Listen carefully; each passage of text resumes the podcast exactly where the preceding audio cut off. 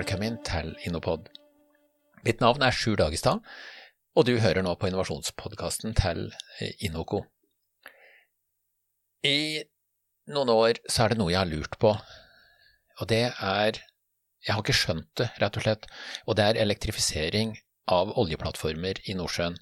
Er det et miljøprosjekt, eller er det bare norgeshistoriens største grønnvasking? Og for å få svar på det, eh, så har jeg eh, tenkt å ringe i dag til Hans Petter Kildahl, som er daglig leder i Bekor, som jobber med energi. Skal vi høre om vi får svar der. Hallo, ja, det er Hans Petter. Hei, det er Sjur Dagestad. Hallo. Du, eh, jeg har store problemer med å skjønne at elektrifisering av sokkelen er et miljøprosjekt. Eh, jeg mistenker at det er grønnvasking og politisk hestehandel. Kan du hjelpe oss å belyse temaet? Ja, det er et veldig godt spørsmål, og jeg har lurt på det samme sjøl. Jeg jeg er ikke kraftingeniør, men jeg har jobba med energisystem og energimarked i 20 år nå. Og dette er en av de pussige tingene som jeg har stussa veldig over. Ja, da er vi to. Jeg, og, ja, fortsett du.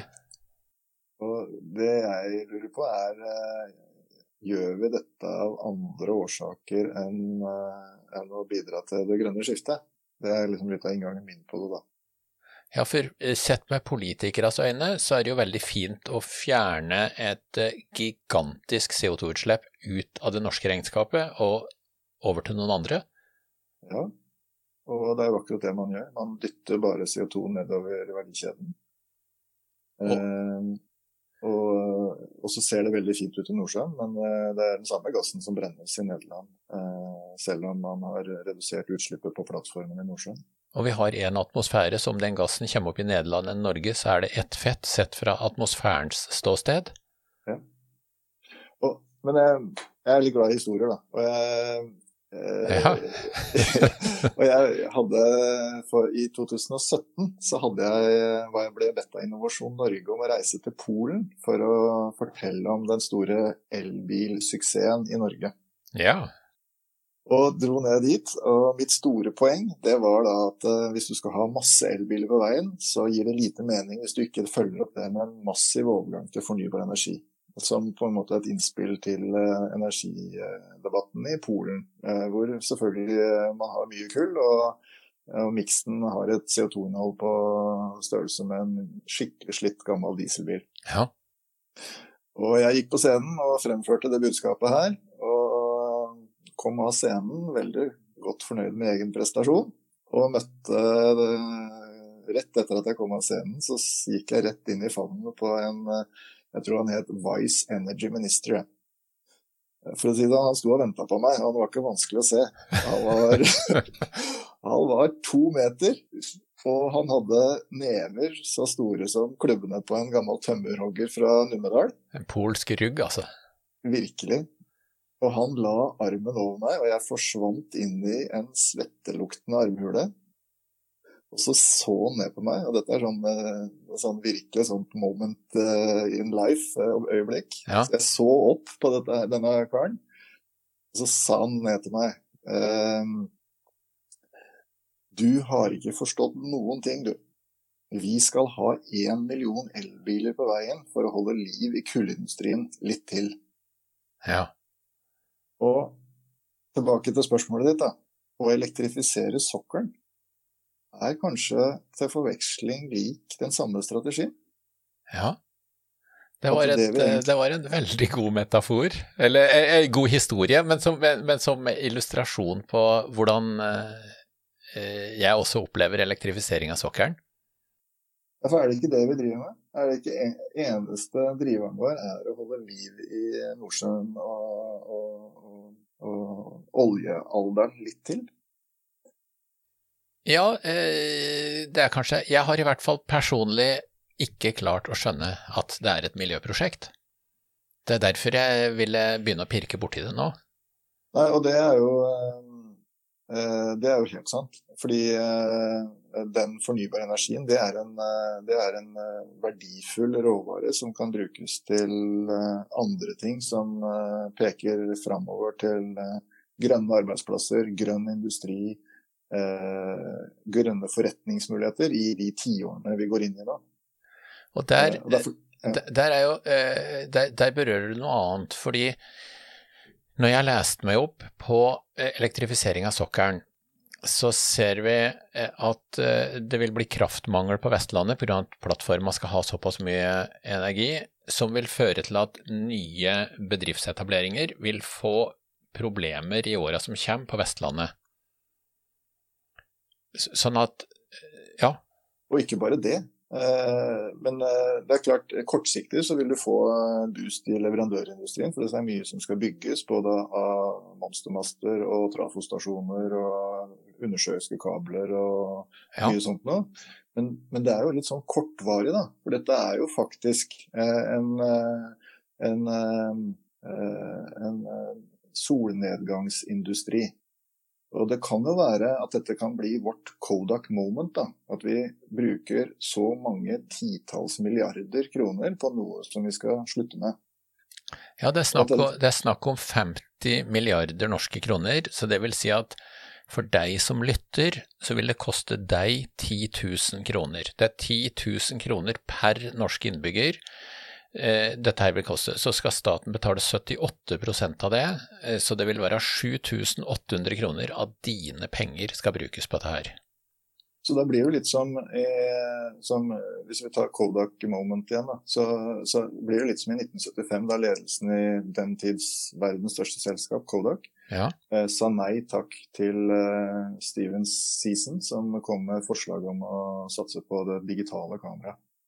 Og Hvis du setter det inn i den konteksten her, så blir det litt sånn eh, Vi sier nei takk til å bygge batterifabrikker eller eh, produsere grønn hydrogen eller eh, lage grønne datasentre i Norge fordi vi skal holde liv i oljesektoren eller olje, olje og gassproduksjonen litt til. Og, eh, og, de 50 milliarder eh, i infrastruktur og utstyr, det vil jo ha et ultragigantisk CO2-avtrykk. Mm. Ja, det vil det. Og, og, som du sa til meg eh, innledningsvis også, dette her er jo gass eller olje som allikevel skal brennes. Så, og den CO2-en som da er bundet opp i de fossile hydrokarbonene, den, eh, den kvitter du deg ikke med ved å elektrifisere selve produksjonsdelen av verdikjedene. Nei, jeg har jeg har snakka med en del i, forkant, og noen har også eh, presisert, og det er mulig jeg tar feil her, men jeg har i hvert fall blitt fortalt det, at i dag så brukes på en del plattformer også restvarmen fra strømproduksjonen brukes i prosessen på oljeplattformen. Og på de plattforma så, må de, så vil de måtte bruke gass og brenne det for å få varme i prosessen i tillegg. Ja, så da er det fortsatt eh, behov for en gassturbin der ute. Så da har du både en elektrisk infrastruktur og en uh, gassturbin som ruller og går. Ja, det kan virke sånn. Eh, I hvert fall så, så er det fortsatt gresk for meg at dette er et miljøprosjekt. Jeg tror det var Stavanger Aftenblad som, som skrev at eh, de var forundra over at det ikke var en folkeaksjon mot elektrifisering av sokkelen.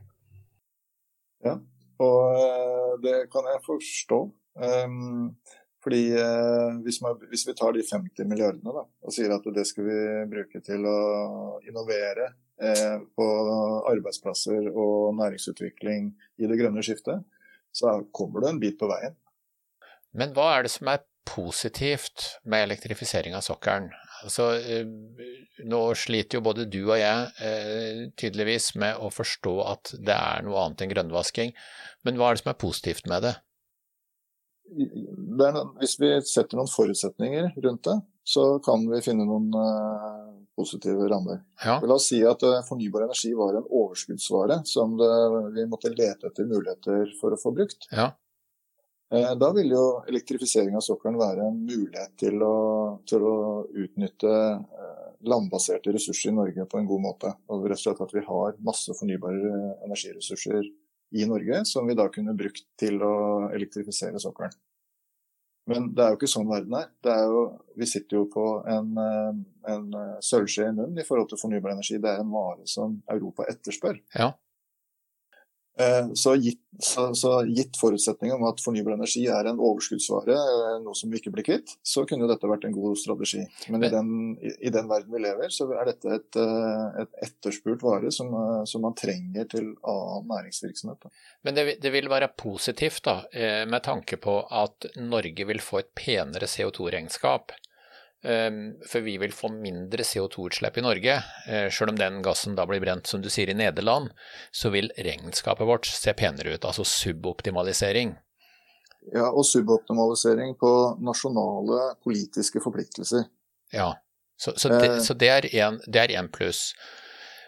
Eh, og så har du noen sånne kostnadsting som også ligger på suboptimaliseringssiden. Det ja. er at man har CO2-avgifter og avgiftsregimer som gjør at uh, får du ned utslippet ditt, så sparer, uh, sparer man noen utgiftskroner. Så for, for uh, industrisektoren så, så, vil jo det sikkert være et, et, godt regnestykke i forhold til penger. Ja, altså de som, de som drifter plattformer, de vil få lavere CO2-regninger, CO2-utslippsregninger, i tida som kommer, ved at det er elektrifisert.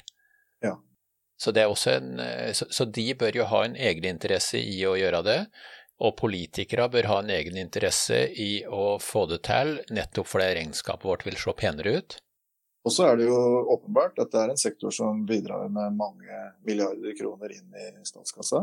Sånn at eh, det å holde liv i den industrien så lenge som mulig, det er jo et, eh, et, et bedriftsøkonomisk rasjonale for AS Norge å sørge for at vi får så mye verdi som mulig ut av de ressursene som allerede er i produksjon. Ja, det er kanskje et viktig argument her. Ja, så det er et pluss. Og det, og det kan være miljømessig pluss òg, for, for eh, plattformene er bygd sånn at det, det er billigere ja. å drifte de litt lenger enn å uh, starte nye felt.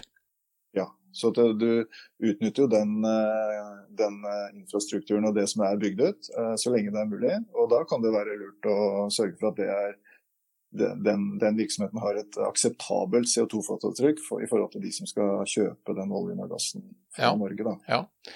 Og så har vi leverandørindustrien, da, som altså entreprenører og produsenter som vil måtte lage og montere det de 50 milliarder representerer.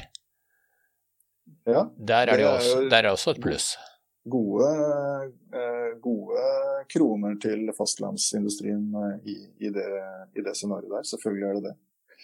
Men jeg går tilbake til det at jo lenger vi tviholder på at verden fortsetter å være sånn som den alltid har vært, jo større risiko bygger vi inn i framtiden for AS Norge.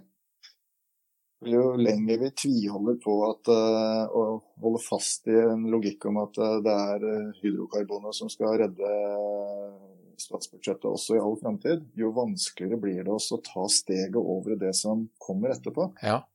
Det var, det en amerikansk forfatter som heter Upton Sinclair, som i 1935 skrev en bok Han har skrevet mange bøker, men han skrev en bok som heter I, Candidate for Governor and How I Got Licked. Og han har skrevet følgende Det er vanskelig å få deg til å forstå noe dersom inntekta di avhenger av at du ikke forstår det. Ja.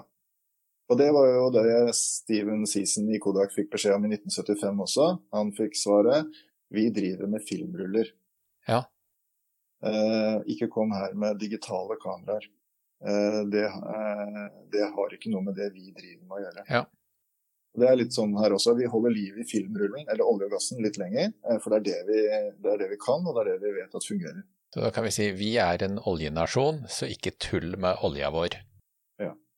Og så sier jeg sikkert nå ting som kan eh, provosere mange, men, men vi, vi, hvis vi gror helt dønn fast i, et, eh, i, en logikk om at det er hydrokarbonene som skal redde pensjonene våre i all fremtid, så bygger vi sakte, men sikkert inn en risiko som kan bli fryktelig vond å, å håndtere om 20-15-30 år. Ja.